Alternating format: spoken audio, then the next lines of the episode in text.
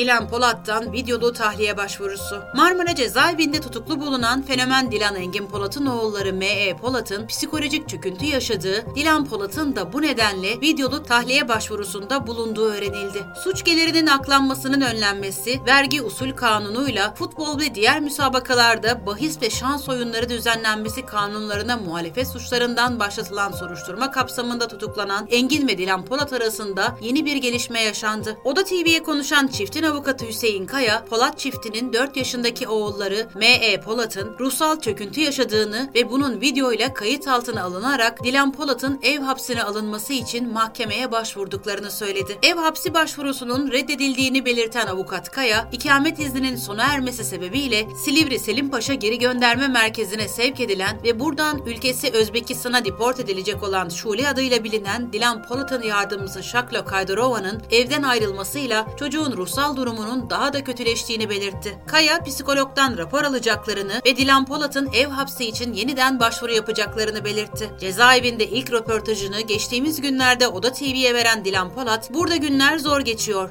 Zaman zaman çok sakin oluyorum, zaman zaman yoğunlaşıp ağlıyorum. Vaktimin bir kısmını kendimi anlamakla, kendimi anlamakla, tanımakla geçiyor. Gözyaşlarımın bir kısmı özlemden kaynaklanıyor. Buranın iki özelliği var. Biri insan inanılmaz sigara içiyor, bir de ibadet meselesiyle düşünme meselesi oluyor diye konuştu.